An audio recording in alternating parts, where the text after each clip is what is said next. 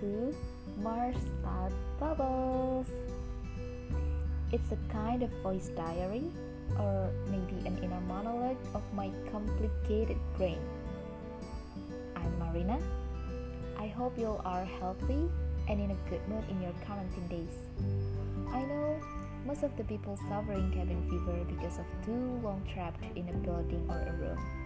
But even though you are unhappy, I hope you'll find happiness even in small things that you thought it can be.